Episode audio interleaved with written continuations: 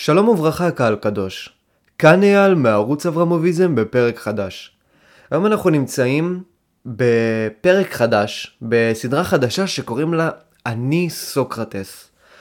הסדרה אני סוקרטס היא סדרה שמדברת קודם כל על הפילוסוף הארור סוקרטס, וזה מאוד מוזר שאני אומר ארור, ואני חושב שהארוריות של סוקרטס תתבהר בפרקים הבאים שאני אעשה, אני חושב שבפרק הרביעי כבר תבינו לגמרי למה אני לא סובל את סוקרטס.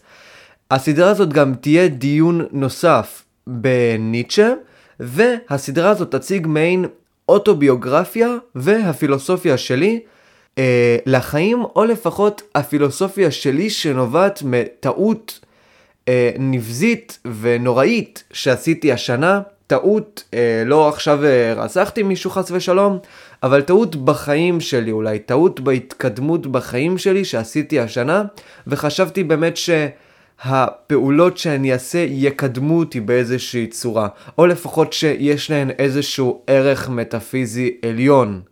אה, אבל כמובן טעיתי, ועל הטעות הזאת אני הולך לפרט, אני חושב בפרק האחרון, ובכללי אתם תבינו את הטעות הזאת במהלך הפרקים אתם כבר תבינו את הטעות הזאת לבד, כי הנושאים מדברים על הטעות הזאת, למרות שאני לא נראה לי אה, אצהיר בקולי קלות שעשי לי טעות, עשי לי טעות.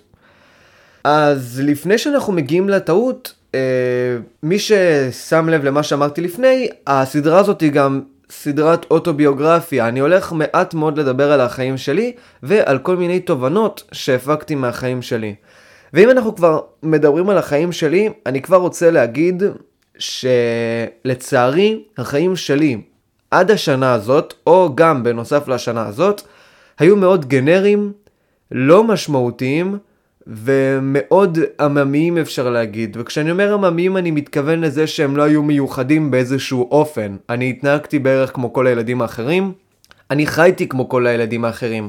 אני לא יצאתי לעשות איזושהי מהפכה, אני בסך הכל הייתי בבית ספר, אה, סביר מינוס בבת ים, ועוד אה, פעם החיים האלה היו חיים מאוד לא משמעותיים ומאוד גנריים. אני לא עשיתי משהו מיוחד, משהו משמעותי במהלך החיים שלי עד גיל 18, ואני מאוד מאוד מתבייש בזה.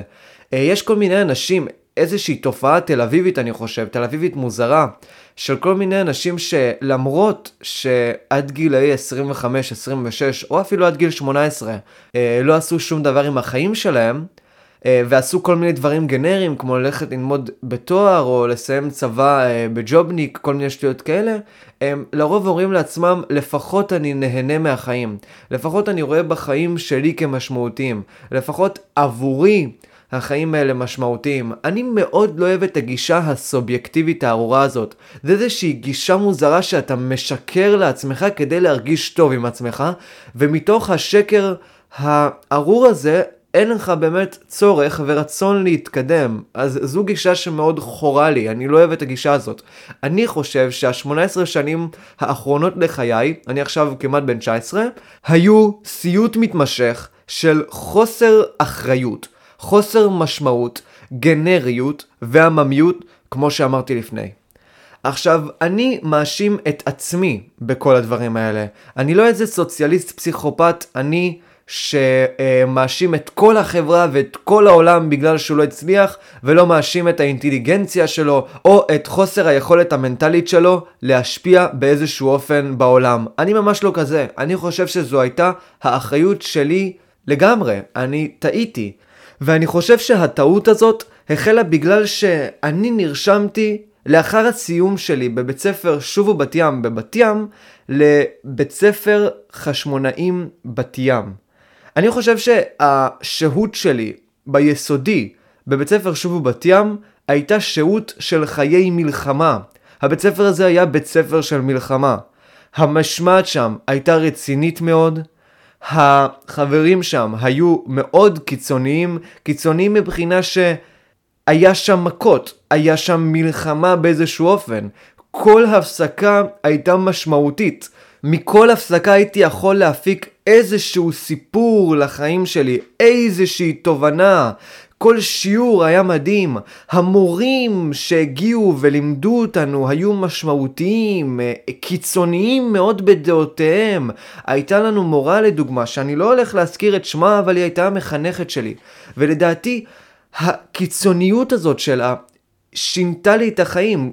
האישה הזאת הייתה האישה הכי קיצונית, היא הייתה חרדיה קיצונית, קיצונית, קיצונית, ששנאה אה, דתיים ציונים, ובכללי כל מי שלא משתייך לזרם החרדי, הטהור, הקיצוני האשכנזי, והקיצוניות הזאת שלה ממש נשארה אצלי, כאילו אני הבנתי את הגאונות של הקיצוניות הזאת רק כשהייתי בכיתה י"א, רק בכיתה י"א אני התחלתי להבין את הגאונות של המורה הזאת ואת היכולת הלא נורמלית של בן אדם להאמין במשהו באופן כל כך דבק וממש לטעון טענות מאוד חזקות, היא הצליחה לטעון טענות מאוד חזקות בעד השקפת העולם שלה.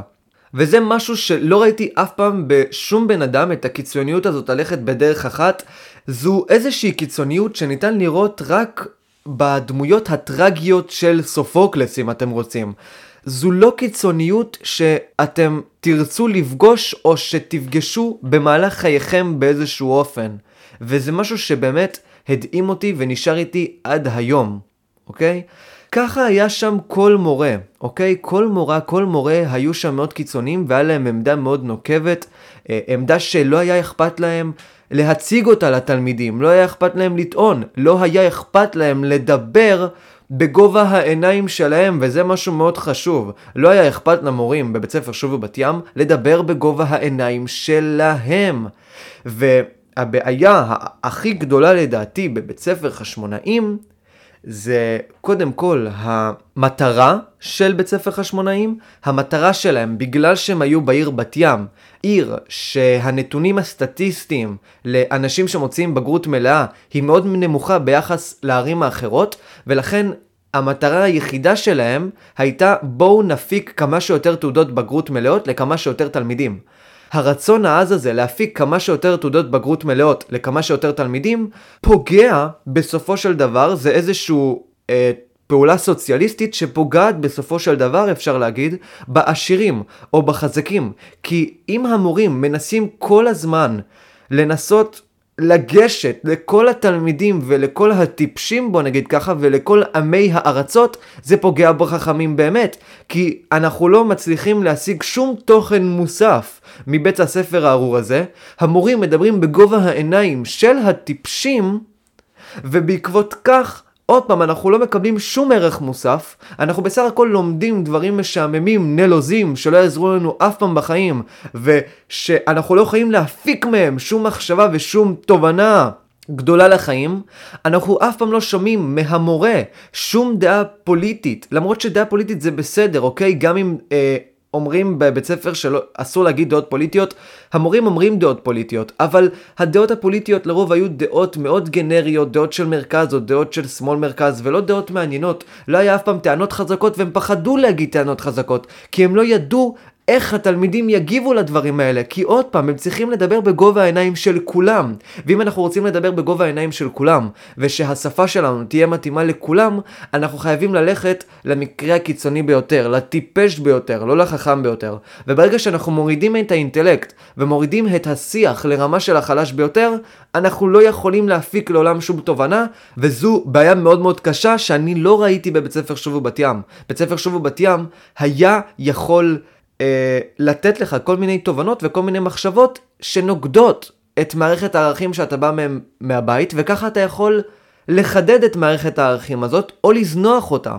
זה משהו שלא היה בחשמונאים, כולם דיברו באותה שפה, כולם דיברו באותו אופן, לכולם היה את אותה דעה, בין אם זה בפוליטיקה, בין אם זה בכמעט כל דבר שיש, הדיונים היו רק פסאודו דיונים, כלומר דיונים שבסופו של דבר כולם יודעים עוד מלכתחילה לאן הם יכולים להביא אותנו, ובכללי כל השיח היה שיח שאתה יודע לפני איזה תשובה תהיה בסוף.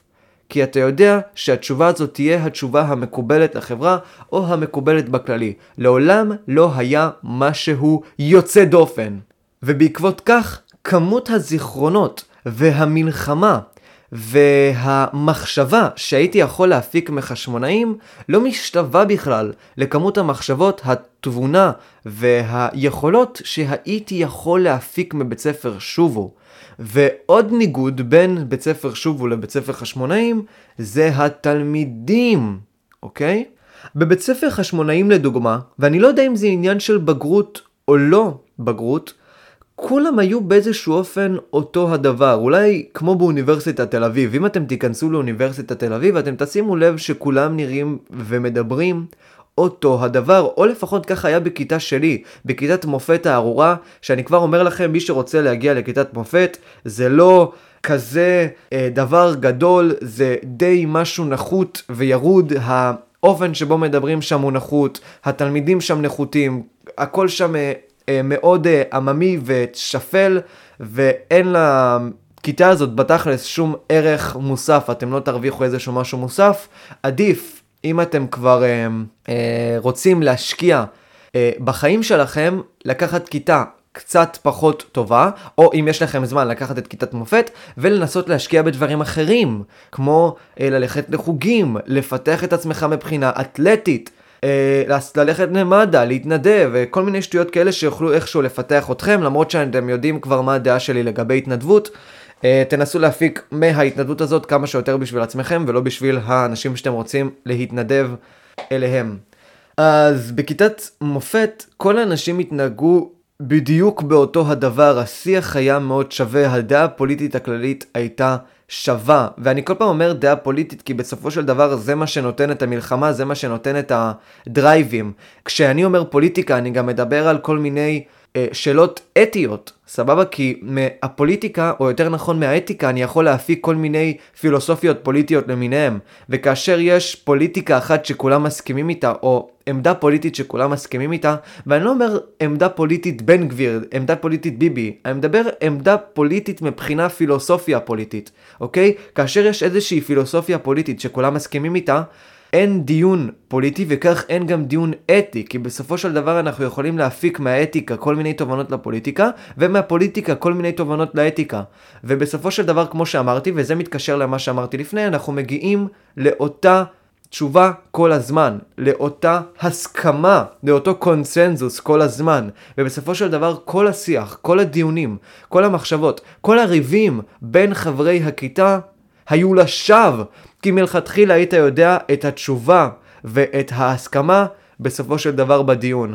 אף פעם אנחנו לא ערערנו על דברים משמעותיים, אף פעם לא פיתחנו את האינטלקט שלנו בגלל שהצלחנו לתקוף איזושהי אמונה שהייתה לנו. הדברים האלה לא קרו. כיתת מופת היא לא פילוסופית, היא ההפך מפילוסופית. כולם שם מסכימים על, באותו אופן. אין שם מגוון של דעות, אין שם פלורליזם. זה איזשהו...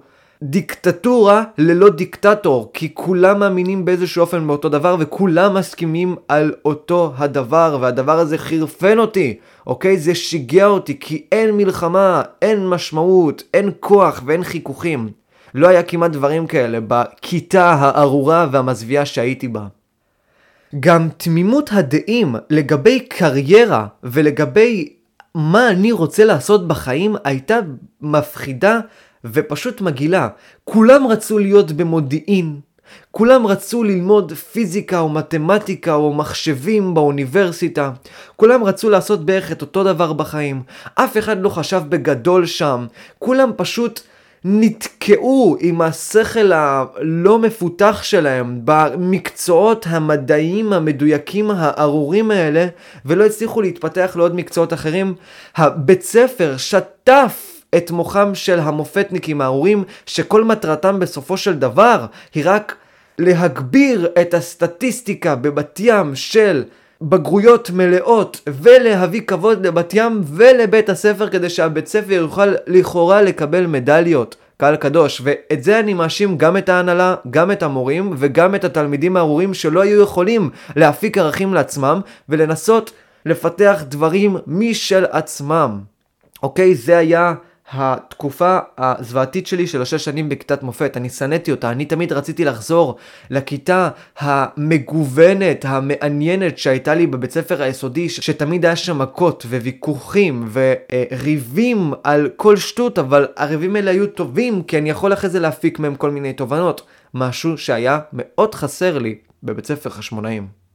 אני חושב גם שאני האדם היחיד שחושב שצריך להוריד למורים את המשכורת ולא להעלות למורים את המשכורת.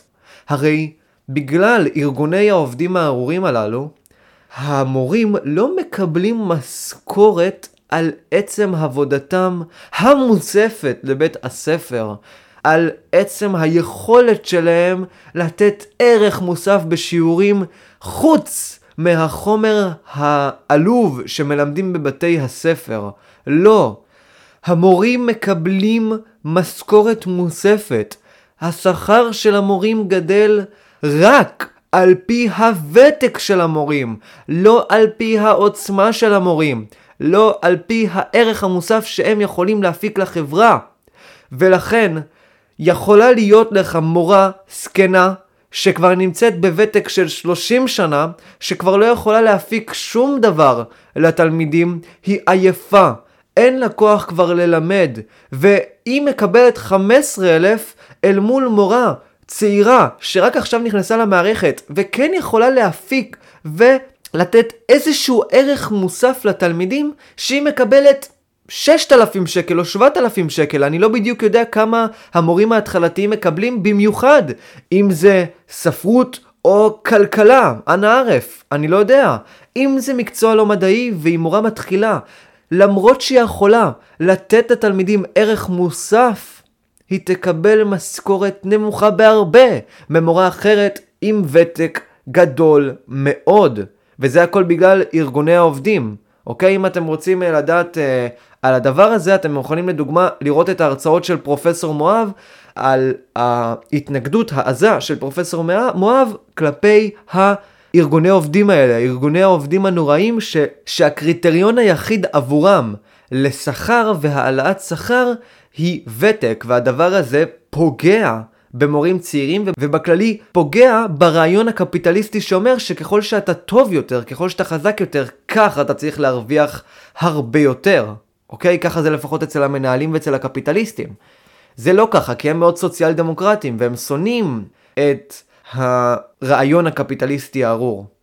חוץ מזה, הסיבה הנוספת שאני חושב שצריך להוריד את המשכורת של המורים היא המורים שמגיעים ללמד. המורים שמגיעים ללמד הם לא כובשים שבאים ללמד אותך.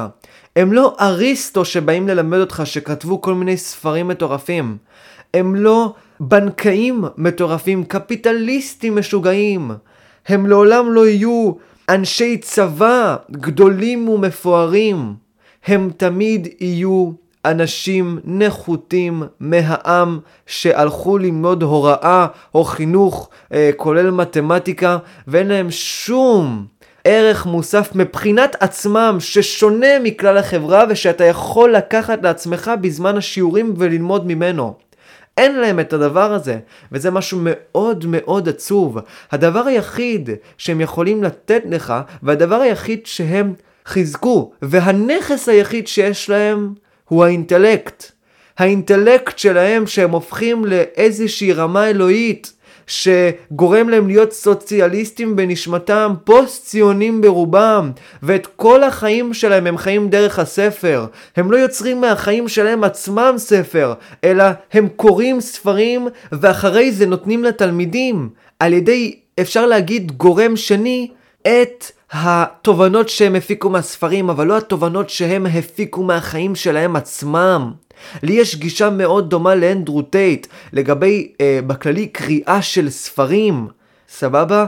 כי אדם לדעתי, ואני מאוד מסכים עם אנדרו טייט, אדם לדעתי צריך להפוך מהחיים שלו ספר, לא לקרוא ספרים ותמיד לעמוד כצד שלישי, כלומר תמיד לראות זוג אנשים מדברים, אבל לעולם לא להפוך את החיים שלך לדומים לספר הזה, לעולם לא לצאת להרפתקה, לעולם לא להגביר את כוחך כך שתוכל להיות כמו הדמות הראשית המרדנית, הטרגית, שעבור האמת לכאורה שלה מוכנה למות. אתה לעולם לא תוכל לעשות את זה, אבל אתה תמיד מסתכל בצד שלישי, כשאתה רואה את הדמות הטראגית מדברת עם אדם אחר, ואתה יכול איכשהו להתפעל מזה ולהגיד וואו איזה אלופה, אבל עם החיים שלך, אתה לעולם לא תוכל לעשות את זה. וזה איזושהי בעיה שיש לי בכללי עם אנשים שקוראים ספרים, שזה העם של המורים שמאוד מאוד אוהבים ספרים, מאוד קשה למצוא מורה שלא קורא ספרים, ובכללי ההמון האינטלקטואלי. אתם תראו, אני חושב בפרק השלישי שעשיתי, אה, ב"אני סוקרטס", שיצרתי איזשהו מושג חדש שאני קורא לו האינטלקטואל ההמוני, ובסופו של דבר מה שהאינטלקטואל ההמוני אומר, אני כבר אספר כאן, זה מישהו שהופך את האינטלקט שלו לאלוהי, הוא מציב אותו בדרגה טרנסצנדנטית אלוהית, לא מעניין אותו שום דבר, זה משהו שהמורים מאוד אוהבים לעשות. כל חייו הוא מתעסק בספרים ואומנות, והחיים שלו הם חיים שאני קורא להם חיים של צד שלישי. כלומר חיים שבהם הוא רק מסתכל על דמויות, רק בוחן דמויות, אבל הוא לא דמות. הוא ספקטייטור, סבבה? כמו כשב-CSGO אתה מת אתה יכול להיות ספקטייטור, כל החיים שלו הוא ספקטייטור, אבל הוא לעולם לא יוכל להחזיק בנשק ולראות. הוא לעולם לא יוכל לצאת למלחמה. הוא נהנה לקרוא על נפוליאון, אבל כאשר הוא שומע שהישראלים הרשעים כובשים את עזה וכובשים את יהודה ושומרון, אז uh, הוא מתחיל uh, לקבל איזושהי חלחלה, למרות שיש איזשהו ניגוד של ערכים כאן, כי מצד שני אתה מעריך מאוד את הכובש העליון שנקרא נפוליאון, ומצד שני אתה לא מעריך את הכיבוש הנוראי לכאורה שישראל עושה על הפלסטינים וביהודה ושומרון, שזה מאוד מאוד מצחיק, כי הם תמיד נמצאים בצד שלישי, וברגע שהדברים האלה קורים להם בחיים עצמם, יש להם איזושהי סלידה, איזושהי סלידה לא מוסברת, ש... אני מאוד מקווה עוד מעט להבין את הפסיכולוגיה של הסלידה הזאת, ואני באיזשהו אופן מבין את הפסיכולוגיה הזאת, ואני מניח שאפרט עליה בפרק הרביעי. אבל יש להם איזושהי סלידה לא מוסברת לעצם החיים עצמם, לעצם הטיב של החיים עצמם, וכאשר, עוד פעם, הם קוראים על נפוליאון שהוא נמצא בספר, שהוא נמצא בעולם פנטסטי, בוא נגיד ככה, בעולם של פנטזיה גם בוא נגיד ככה, עולם אוטופי שאין לי צורך להתעסק בו, אז הם נהנים לקרוא על הכיבושים שלו. אבל כאשר זה קורה בעולם שלהם, בעולם שהם נמצאים בו, הם מתחילים לסלוד מעצם הפעולות שדומים מאוד לפעולות של נפוליאון, שזה מאוד מאוד מוזר. ברגע שזה קורה בעולם, אנחנו מתחילים לסלוד מעצם הפעולות. כאשר זה קורה בספר, אנחנו נהנים ומתרגשים מהפעולות. מאוד מאוד מעניין. עכשיו, לדעתי, כמו שאמרתי לפני, האינטלקטואלים שקוראים ספרים, אני קורא להם אינטלקטואלים המוניים. רמז להמוניות ולעממיות של אותם אינטלקטואלים זה השמות של הוצאות הספרים. שימו לב באמת פעם אחת לשמות של הוצאות הספרים. קו אדום, עם עובד, אה, ספריית הפועלים, הוצאת שוקן, הקיבוץ המאוחד, כל מיני שמות של קיבוצים ופועלים ובנק הפועלים ואנה ערף, כל מיני שמות של קומוניסטים ארורים, כל מיני שמות של פועלים. זה מאוד מצחיק, ספריית הפועלים, אה, שם מאוד מצחיק להוצאת ספרים. למה שספרייה, ספרים, שאנחנו תמיד חושבים שאנשים מיוחדים קוראים ספרים, או לפחות שאנשים מאוד חכמים קוראים ספרים, אז למה אנחנו קוראים לספרייה הזאת לספרייה שלכאורה מייבאת ומייצאת לסטימצקי וכל החרא הזה ספרים, למה אנחנו קוראים לה ספריית הפועלים? לא היה הגיוני שנקרא למוציא לאור ספריית החכמים או ספריית האליטה? לא, אנחנו קוראים לזה ספריית הפועלים. עכשיו, אני יודע שאני רק נותן כאן אה, שמות, ולשמות האלה בתכלס אין שום ערך לספרים עצמם, למרות שיש אנשים שיכולים להגיד ההפך, שבגלל שקוראים לה ספריית הפועלים ובגלל שהיא מנוהלת על ידי אשכנזים שרובם סוציאליסטים, הם לעולם לא... יפיקו ולעולם לא יוציאו לאור ספר עם כל מיני עמדות ימניות, כמו אולי הספר של שמחה רוטמן, מפלגת בג"ץ. זה למה שמחה רוטמן היה חייב להוציא לאור את הספר שלו בהוצאה לאור סלע מאיר, שהיא אה, הוצאה הרבה יותר ליברלית שכן מקבלת עמדות ימניות. אבל אני יודע שהשמות האלה בתכלס, אני לא יודע למה נכנסתי לזה, אבל זה פשוט מאוד מעצבן אותי השמות האלה. אני יודע שהשמות האלה בתכלס הם שמות שנקבעו בתקופת הצנע על ידי, כמו שאמרתי, סוציאליסטים אשכנזים מאוד מאוד ישנים, כל מיני קיבוצניקים למיניהם, ולכן רשום קו אדום, עם עובד, ספריית הפועלים וכל מיני שטויות כאלה. אבל עדיין, זה, זה איזשהו רמז לסוג האנשים שקוראים את הספרים. הם לא אנשים קפיטליסטים מטורפים שאכן קוראים ספרים, אבל לא הופכים, וזה מוטיב מרכזי שיחזור בפרק, לא הופכים את השכל שלהם, את האינטלקט, לאלוהי. לא מציבים אותו בדרגה אלוהית, אלא משתמשים בו ככלי. אוקיי? אבל הפועלים, כאשר הפועלים קוראים ספרים, הם הופכים את הספר לדרגה אלוהית, בדיוק כמו שהאדם הדתי הופך את התנ"ך והסידור לדרגה אלוהית וחייב לנשק אותו. הם חושבים ש... פיתוח השכל, כמו אריסטו, זה הערך העליון שמבדיל אותנו מהחיות הארורות, או לפחות מהחיות המזרחיות הארורות כמו שהם חושבים לעצמם, אבל לעולם לא אומרים. אוקיי? הם ממש מציבים את הספר לאיזושהי דרגה אלוהית, ובסופו של דבר באופן מצחיק, למרות שהספר צריך לייבא לך כלים משמעותיים להתמודד בחיים, וכל מיני כלים מחשבתיים ותובנות על החיים, בסופו של דבר אותם אנשים שהופכים את השכל לרמה אלוהית, לא עושים שום דבר עם החיים שלהם חוץ מלהתעסק באומנויות, בספרים ובספרות. וזה למה בכללי ספרות זה לדעתי המקצוע הכי בזוי, וגם כל מיני מקצועות של אומנות וכל מיני שטויות כאלה, את זה אני אנסה להרחיב טיפה. אה, הם מקצועות ארורים, זוועתיים, אה, שאנחנו לא צריכים לקדם אותם, או לפחות לא צריכים לקדם אותם לרמה אלוהית, כמו שאנחנו מנסים לקדם אותם, או כמו שהבית ספר מנסה לקדם אותם, והבית ספר מציג לנו אותם, לפח... כמובן שהוא מעדיף שנלמד כל מיני מקצועות של מדעים מדויקים, אבל כאשר אנחנו הולכים ללמוד ספרות, אז המורה לרוב אומרת שספרות זה החיים, ספרות זה הטוב, אה, ספרות מלמדת אותך על החיים, אבל בסופו של דבר, אחרי כל ה-200 מיליון ספרים האלה שהמורה לספרות קראה, איפה היא נמצאת קהל קדוש? היא נמצאת בבית ספר חשמונאים בת ים ומלמדת ילדים מטומטמים על ספרות.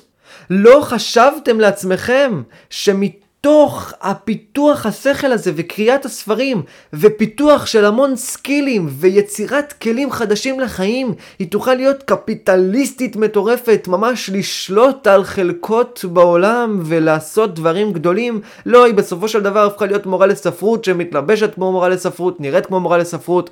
אה, הם ממש הפכו להיות עם, הם ממש הפכו להיות מוצא אתני המורים לספרות. כל המורות והמורים לספרות נראים אותו דבר ומדברים באותו אופן. מה זה החרא הזה? קהל קדוש, אני לא מבין. אני באמת לא מבין. איך זה יכול להיות? והנה, השמות האלה אומרים לנו בדיוק למה. כי זה ספריית הפועלים. הספרים כשלעצמם לא מפיקים לנו שום ערך. כשלעצמם, כלומר זה לא הספר כשלעצמו שמאפשר לך להבין ולהפיק תובנות מהחיים, זה הדרך שבה אתה מתייחס לספר והספר עצמו, כלומר לא הספר כשלעצמו, לא המושג ספר, אלא הספר שאתה קורא. לא כל ספר יכול לתת לך תובנות לחיים, ולא כל גישה כלפי הספר תאפשר להפוך את החיים שלך לחיים ראויים וחיים שכדאי לכתוב עליהם ספרים. ואם כבר נגעתי בנקודה שיש ספרים ספציפיים שכן יכולים להסב לך כל מיני תובנות לחיים, והדרך שבה אתה תסתכל והפרספקטיבה שלך כלפי הספר היא צריכה להיות פרספקטיבה ספציפית כדי באמת להצליח להפיק כל מיני כלים כדי שתוכל לשנות באיזשהו אופן את החיים שלך, אני רוצה להגיד לכם איזה ספרים כדאי לכם לקרוא, או איזה סוג ספרים כדאי לכם לקרוא.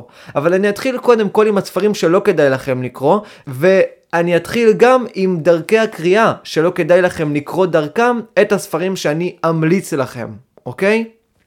אז ככה, קודם כל אני מתנגד בתוקף למפגרים שקונים סתם ספרים כי הם נשמעים טוב. אתה לעולם, ואני מצטער, אולי אני פוגע לך ברצון החופשי, אוי אוי אוי, אבל אתה לעולם לא הולך להיכנס לחנות כמו סטימצקי ולקנות סתם ספר שנשמע לך טוב, לא, אתה לא הולך לעשות את זה, אלא אתה הולך מלכתחילה לבדוק ספר שיכול לעזור לך באיזשהו אופן בחיים עצמם, ואותו אתה הולך לקנות, אבל אתה חייב קודם כל לבדוק שהספר הזה ניצח את מבחן הזמן, אין בעיה שזה יהיה ספר מאוד ישן, אני קראתי לפני כמה זמן ספר מלפני 2500 שנה, אין בעיה שהספר הזה יהיה מאוד ישן, אבל אתה חייב קודם כל לראות איזה תובנות הספר הזה יכול לתת לך, סבבה? עוד פעם, אתה לא הולך אף פעם לקרוא ספר כי הוא מעניין אותך, רק ספר שיכול לחזק אותך. אז אתה צריך לבדוק איזה תובנות הספר הזה יכול לתת לך, והאם הספר הזה התקבל בברכה, כלומר הביקורות שלו ראויות, והאם הספר ניצח את מבחן הזמן. כלומר, אם ספר לפני 2500 שנה עדיין נשאר רלוונטי, זה אומר שמאוד מאוד כדאי לקרוא אותו. מאוד מאוד מאוד מאוד מאוד כדאי לקרוא אותו. כמו התנ"ך, כמו המדינה של אפלטון שקראתי לפני כמה זמן, שאני לא כל כך ממליץ על הספר הזה, לא אהבתי אותו בכלל. לא קשור לטענות, לא אהבתי את הדרך כתיבה ואת הדיאלוגים הסוקרטיים, ממש לא אהבתי אותם. אז בואו נלך לטענה הבאה. אני מתנגד בתוקף למפגרים שקוראים 20 ספרים בשנה או 15 ספרים בשנה, המפגרים האלה שאומרים אני קראתי השנה 50, 30, 20 ספרים. אם היית יכול לקרוא 50, 20, 30 ספרים בשנה, זה אומר שהספרים שקראת לא היו טובים, כלומר הם לא היו קשים ולא הצלחת להפיק מהם כלים, ואתה זוכר מהם מעט מאוד. למה סתם לקרוא ספרים כדי להגיד לאנשים אחרי זה שקראת אותם? ולמה לקרוא אה, במהלך חייך משהו כמו 150 ספרים? זה לא עובד ככה. אוקיי? אתה צריך לקרוא ספרים מאוד ספציפיים. אם אתה כבר יושב וקורא ספר במקום להתקדם בחיים או לעשות משהו כמו להתאמן, אז לפחות שהספר הזה יהיה טוב. וכשאני אומר טוב, אני לא מתכוון שהוא יהיה מעניין, אני מתכוון שהוא יוכל לתת לך תובנות מרעישות, תובנות שבכללי ישנו לך את כל החיים. אה, מעתה והלאה, ספרים שיכולים לחזק לך את האינטלקט באופן כל כך קיצוני שכבר לא תצטרך לקרוא ספרים אחרי זה. כאילו זה יהיה עד כדי כך קיצוני, אתה תגיע למקס של ה-XP שאתה יכול אה, להיות בו עם האינטלקט שלך. מה עוד אני מתנגד? אני מתנגד למפגרים שקוראים ספרים מחוץ לבית. כל המטומטמים האלה שאתם רואים בכיתה שיושבים וקוראים ספרים, המטומטמים שקוראים ספרים באוטובוס, אה, המפגרים, שנגיד לדוגמה לי היה בטירונות כמה מפגרים, שפשוט באמצע הפסקה, או באמצע פשוט שכולם יושבים ומחכים למשהו שהמפקד יגיד, הוא פשוט מוציא ספר מהכיס ומתחיל לקרוא אותו. עכשיו, אני הולך להציג את הטענה של אה, למה אני חושב שזה דבר בזוי ונוראי לעשות מבחינה אה, פילוסופית פסיכולוגית בפרק הרביעי, אבל עכשיו אני רק הולך להגיד לכם את הטענה הקצת יותר חלשה. אני חושב שאם יש לך אפשרות לקרוא ספר מסוים מחוץ לבית, במקום רועש, במקום עם ההמון, הספר הזה לא מספיק טוב, הוא לא מספיק קשה. הוא סתם ספר שאתה יכול להבין את העמוד שלו רק מקריאה ראשונית שלו. מקריאה ראשונית שלו עם אלפי אנשים שצועקים לך באוזן. זה לא מספיק ספר טוב. הספרים שאני קורא הם ספרים שאתה צריך לקרוא את העמוד פעמיים ולבחון אותם ו... אה, לכתוב שאלות על הספרים האלה, ולכתוב בכללי בצד כל מיני רעיונות שאתה יכול להפיק מהספרים האלה. אני כותב על הספרים עצמם, וזה משהו שאתם צריכים לעשות אם יש לכם ספר מספיק טוב כדי שיהיה ראוי לכתוב על הספר. אתה לא קורא ספר מחוץ לבית, כי עצם הקריאה מחוץ לבית היא קריטריון לכך שהספר לא מספיק קשה. ספר לא מספיק קשה הוא ספר לא מספיק טוב. נקודה. אל תקראו ספרים, תעשו אנליזה על ספרים, סבבה? תבחנו את הספרים, תערערו על מה שהכותב כותב. סבבה? ואם אתם רוצים ספרים שיאפשרו לכם ערעור על כתיבת הכותב, אז אלו הם ספרי פילוסופיה. ועכשיו אני ניגש לספרים שאתם צריכים לקרוא. ספרים מידעיים מעט מאוד. מעט מאוד בחיים שלכם אתם צריכים לקרוא ספרים מידעיים, כלומר ספרים של ידע. אין ערך בספרי ידע. אתם לא תצליחו להפיק מספרי ידע אף רעיון. אם יש לכם באמת נושא אחד שאתם חייבים ללמוד עליו, כמו לדוגמה, אצלי היה נושא של מכניקת הקוונטים שהייתי חייב ללמוד עליו, ומטתי ללמוד, וממש רציתי ללמוד על הנושא הזה, אז סבבה, תלמדו על הספר, אין בעיה. אבל רק אם אתם יכולים ואתם יודעים מלכתחילה שתוכלו להפיק ממנו רעיונות גדולים ותובנות גדולים לחיים. אתם לא הולכים סתם לקרוא ספר מידעי על המשבר האקלים, על לא יודע, כל מיני מיליון ואחת ספרים כאלה. יש אנשים ששוקעים בידע ידע כשלעצמו הוא לא דבר טוב. ידע כשלעצמו אין בו צורך. אני הולך עוד מעט גם להציג את הטענה שלי כנגד המושג הארור הזה של ידע כשלעצמו. לידע כשלעצמו אין ערך כשלעצמו באופן משעשע. סבבה? ספר של ידע הוא הספר שאתם הכי פחות צריכים להתמקד בו. ידע צריך לבוא ביחד עם אינטלקט וביחד עם חשיבה. אם יש לכם רק ידע, אין בו ערך. אתם כמו מחשבים, אתם כמו טלפונים, אני הולך להציג עוד מעט את הטענה לגבי זה. הספרים שאתם צריכים להתמקד בהם הם ספרים קלאסיים, ספרים פילוסופיים, ספרים שהצליחו לעבור את מבחן הזמן, וספרים מאוד מאוד מאוד קשים. אוקיי? לא סתם רומנים, לא ספרים שיעניינו אתכם, להפך, קחו את הספר שהכי יעצבן אתכם. ספר קשה, ספר מסובך, כמו, לא יודע, התבונה הטהורה של עמנואל קאנט, הביקורת על התבונה הטהורה של עמנואל קאנט, ותתחילו ללמוד אותו, כמובן עם קורסים ועם כל מיני שטויות כאלה. לא לקרוא סתם ספר, אם אתם כבר יושבים וקוראים ספר, לא סתם לקרוא אותו. ועכשיו אני הולך להציג לכם את הרשימה של כל הספרים שיש לי בבית. ספרים שקניתי השנה, אני לא חושב שאני הולך לקרוא יותר ספרים ממה שיש לי, אני לא חושב שאני הולך לקנות יותר ספרים ממה שיש לי, אה, אני לא קניתי כבר ספר משהו כמו 4 חודשים כי ממש אין לי צורך בספרים נוספים.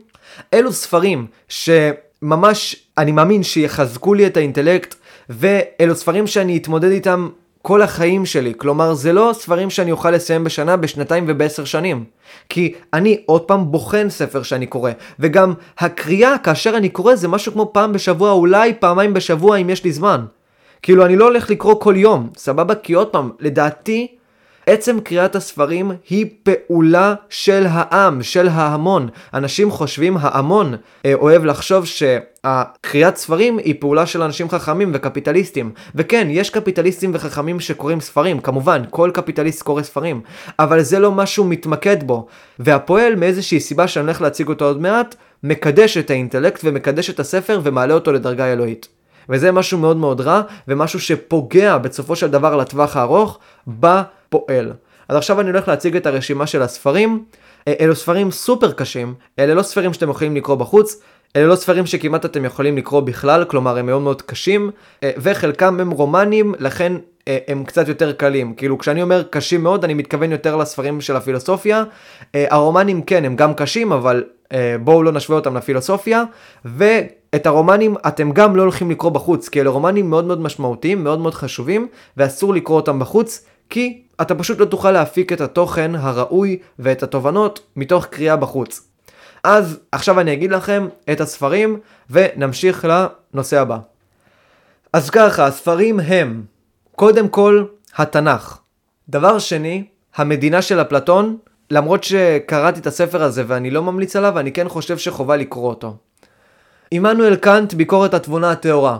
אה, ברוך שפינוזה האתיקה, קרל מרקס הקפיטל, קרל פופר החברה הפתוחה ואויביה, תומאס הופס לוויתן, יום מסכת על טבע האדם, מקיאוולי הנסיך, פרידריך ניטשה כה אמר זרטוסטרה, אה, רנה דקארט אה, הפילוסופיה הראשונית, אה, כמה ספרים פה על מכניקת הקוונטים, זה רק אם מישהו מעניין אותו, למרות שאני ממש ממש ממליץ כי זה ממש מפתח את האינטלקט. אה, פרידריך ניטשה, כל מיני ספרים כאן של פרידריך ניטשה. הקומדיה האלוהית, דנטה אליגיירי, מלחמה ושלום, טולסטוי, אה, אנה קרנינה טולסטוי, דוסטויבסקי החטא ועונשו, דוסטויבסקי אחים קרמזוב, דון קיחוטה, סרוונטס, שייקספיר המלט, הומרוס אודיסאה, והטרילוגיה הטיביאנית, שזה סופוקלס אדיפוס המלך, סופוקלס אנטיגונה, וסופוקלס, אה, מה היה שם עוד? אה, אדיפוס בקולונוס. אלו הספרים אלו הספרים שאני הולך לקרוא, ואלו הספרים שהולכים ללוות אותי במהלך החיים שלי, ואוכל להפיק מהם כל מיני תובנות אה, מאוד חשובות לחיים, ובכך לחזק את האינטלקט שלי, ולהשפיע באופן מרבי וטוב יותר על החיים שלי ועל הדברים שאני עושה, כי האינטלקט מאוד מאוד חשוב, והאינטליגנציה והיכולות הקוגניטיביות והידע שיש לי מאוד מאוד חשוב כדי שאני אוכל לעשות כל מיני פעולות חשובות בעולם הזה. אבל יש לזכור לא להפוך את האינטלקט לאלוהי. אולי פעם בשנה אני אקרא איזשהו ספר עיוני, ספר של ידע, ספר מידעי, אבל קהל קדוש זה ממש לא הולכת להיות ההתמקדות שלי, כי אני מאוד אוהב את הטענה, טענה שתמיד יש לי בראש, טענה שפיתחתי לפני כמה זמן, אני בטוח שהיא גם לא טענה מקורית, אני בטוח שיש מישהו שעלה על הטענה הזאת לפני, לא צריך להיות גאון גדול, אבל זה בתכלס הולך ככה. אני אפילו אציג את הטענה הזאת באיזשהו משל, סבבה? משל מאוד מעניין. נניח שעכשיו אנחנו היינו קאנט, או בואו עכשיו נחשוב על קאנט. קאנט יושב לו בגיל 60 ומשהו וכותב את הביקורות המופלאות שלו.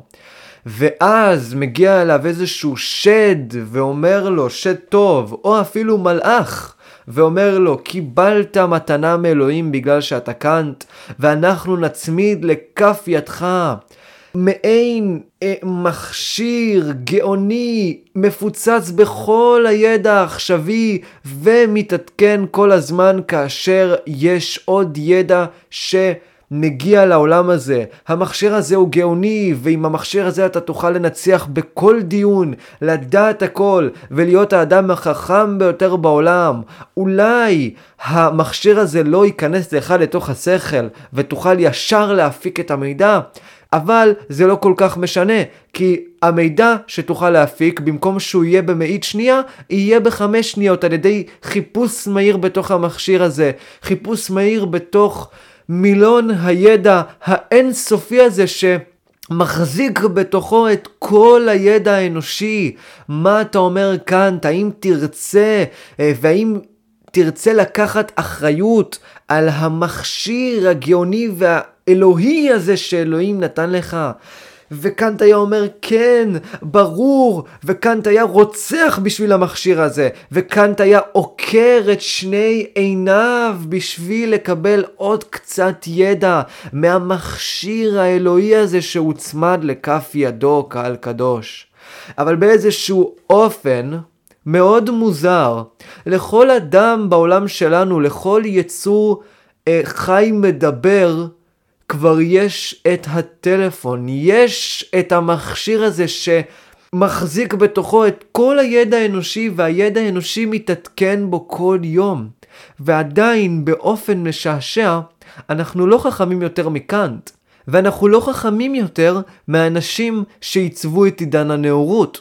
להפך, אפילו יש אנשים שיכולים להגיד שיש ירידה במנת המשכל, ויש ירידה ביכולות האינטלקטואליות של המין האנושי במהלך החיים ובמהלך הפיתוח הטכנולוגי.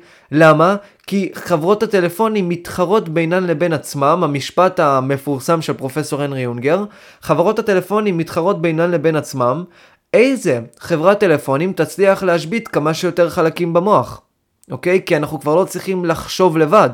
חושבים בשבילנו, נותנים לנו בכפית את התובנה, וזה גם עוד איזושהי בעיה שיש לי עם קריאת ספרים. אסור לך לשקוע בידע, אתה צריך להפיק ידע מעצמך, אתה צריך להפיק תובנות מעצמך. כמובן שהתובנה לא באה בוואקום, ולכן אתה צריך קודם כל את הבסיס הספרותי מחשבתי שיאפשר לך להפיק את כל התובנות האלה. אבל בגלל שהטלפונים לא מאפשרים לנו להפיק תובנות מהחיים באופן אינדיבידואלי, באופן שלי עם עצמי, עם השכל שלי, והם אלה שמאכילים אותנו עם כפית בתובנות, אנחנו הפסקנו לחשוב לבד. הפעולות הקוגניציות שלנו ירדו. בכל רגע שמשעמם לנו אנחנו לוקחים את הטלפון והטלפון הוא זה שמפעיל את המוח. אנחנו לא מפעילים את המוח לבד. יותר גרוע מזה אפילו, אה, כאשר אני אה, נכנס לטיקטוק או משהו, אין לי טיקטוק, אבל נניח עכשיו שהיה לי טיקטוק, אז אני עובר מסרטון לסרטון והשכל שלי אפילו כבר לא צריך לעבוד, וכל שנייה אחת פיפס קטן שסרטון לא מעניין אותי כבר, אני כבר לא יכול לשבת אה, שעה ולראות הרצאה. הדור שלנו כבר לא יכול לעשות את זה. הריכוז שלנו כבר כל כך מנוון, כבר כולם חולים במחלה הזאת של הפרעת קשב וריכוז, שבשנייה שסרטון טיק טוק לא מעניין אותנו, אנחנו ישר מעבירים אותו, ישר, בלי לחשוב פעמיים, מעבירים אותו ולא מצליחים להפיק ממנו שום דבר. גם אין שום ערך שניתן להפיק מכל סרטוני הטיק טוק הארורים הללו. אין, אין שום ערך לחרא הזה. סבבה? אני לא מאשים את הטיקטוק עצמו, אבל הטיקטוק הוא אחלה של פלטפורמה ליצירה של סרטונים מטומטמים שמטמטמים את הדור שלנו. אין מה לעשות, כאילו זה נשמע אולי קצת זקן מה שאני אומר, אבל זה משהו שניתן לראות אותו אמפירית. כמות הילדים שהם אה, עם הפרעת קשב וריכוז היא לא נורמלית. ובאיזשהו אופן, למרות שכולם אומרים שאנחנו צריכים להחליף את השיטה של מערכת החינוך לשיטה שיותר מתקדמת ושתאפשר להתקדמות הטכנולוגית הזאת להיכנס ולדוגמה לעשות שיעורים קצרים יותר, ענייניים יותר, לא, אני לא תומך בזה. כי עדיף שלפחות תהיה מקום אחד במהלך החיים שלך שיכריח אותך, ממש יכריח אותך להתרכז במשהו למשך זמן ממושך. אני ממש לא תומך בגישה המטומטמת הזאת שאתה צריך להפוך את בתי הספר לתומכים בטכנולוגיות החדשות. יותר פמילי פרנדלי לטכנולוגיות החדשות. לא, הבית ספר צריך להיות במצב השמרני הזה כדי שאנחנו כבר לא נהפוך להיות זומבים חסרי יכולת להתרכז במשהו אחד בלי לברוח למשהו אחר. כן, אה, זה מאוד מאוד רקוב מה שיש שם, אבל בינתיים אם אנחנו כמין אנושי לא, לא נרצה להשתנות ולנסות אה, לבנות פלטפורמות שיאפשרו למוח שלנו להתרכז במשהו אחד בלי לעבור למשהו אחר, אז לפחות יש לנו את בתי הספר שעדיין עושים את זה, ואני מאוד שמח שהם ממשיכים לעשות את זה, כי אם הם יפסיקו לעשות את זה, כבר לא תהיה לנו פלטפורמה אחרת שבני הנוער יוכלו להיות בה, והפלטפורמה הזאת תכריח אותם להתרכז במשהו אחד ספציפי. אחותי לדוגמה, כשאני נכנס לחדר, עושה שיעורים עם טלפון, עושה שיעורים עם סדרה. זה משהו שאני לא יכול לעשות עכשיו. אני לא יכול לעבוד על שתי דברים במקביל. אם אני מנסה לעבוד על שתי דברים במקביל, אני, אני לא יודע, המוח שלי לא עובד. סבבה, אני לא מצליח לעשות את זה. אחותי אשכרה יכולה לראות סדרה ולעשות שיעורים, וזה לא משהו טוב, זה משהו רע, כי היא לא מצליחה ללמוד, השיעורים שלה יוצאים על הפנים, וככה זה כל הדור. סבבה? כי מה לעשות שהטלפון הרבה יותר מעניין מהשיעורים. בגלל זה צריך באיזשהו אופן שהבית ספר יהיה איזשהו גוף דיקטטורי שיכריח את התלמידים להתרכז במשהו אחד ב, אה, להרבה זמן כדי שהיכולת הזאת של המין האנושי לא תיעלם לגמרי עם ההתפתחות של הטיקטוק וכל החרא הזה.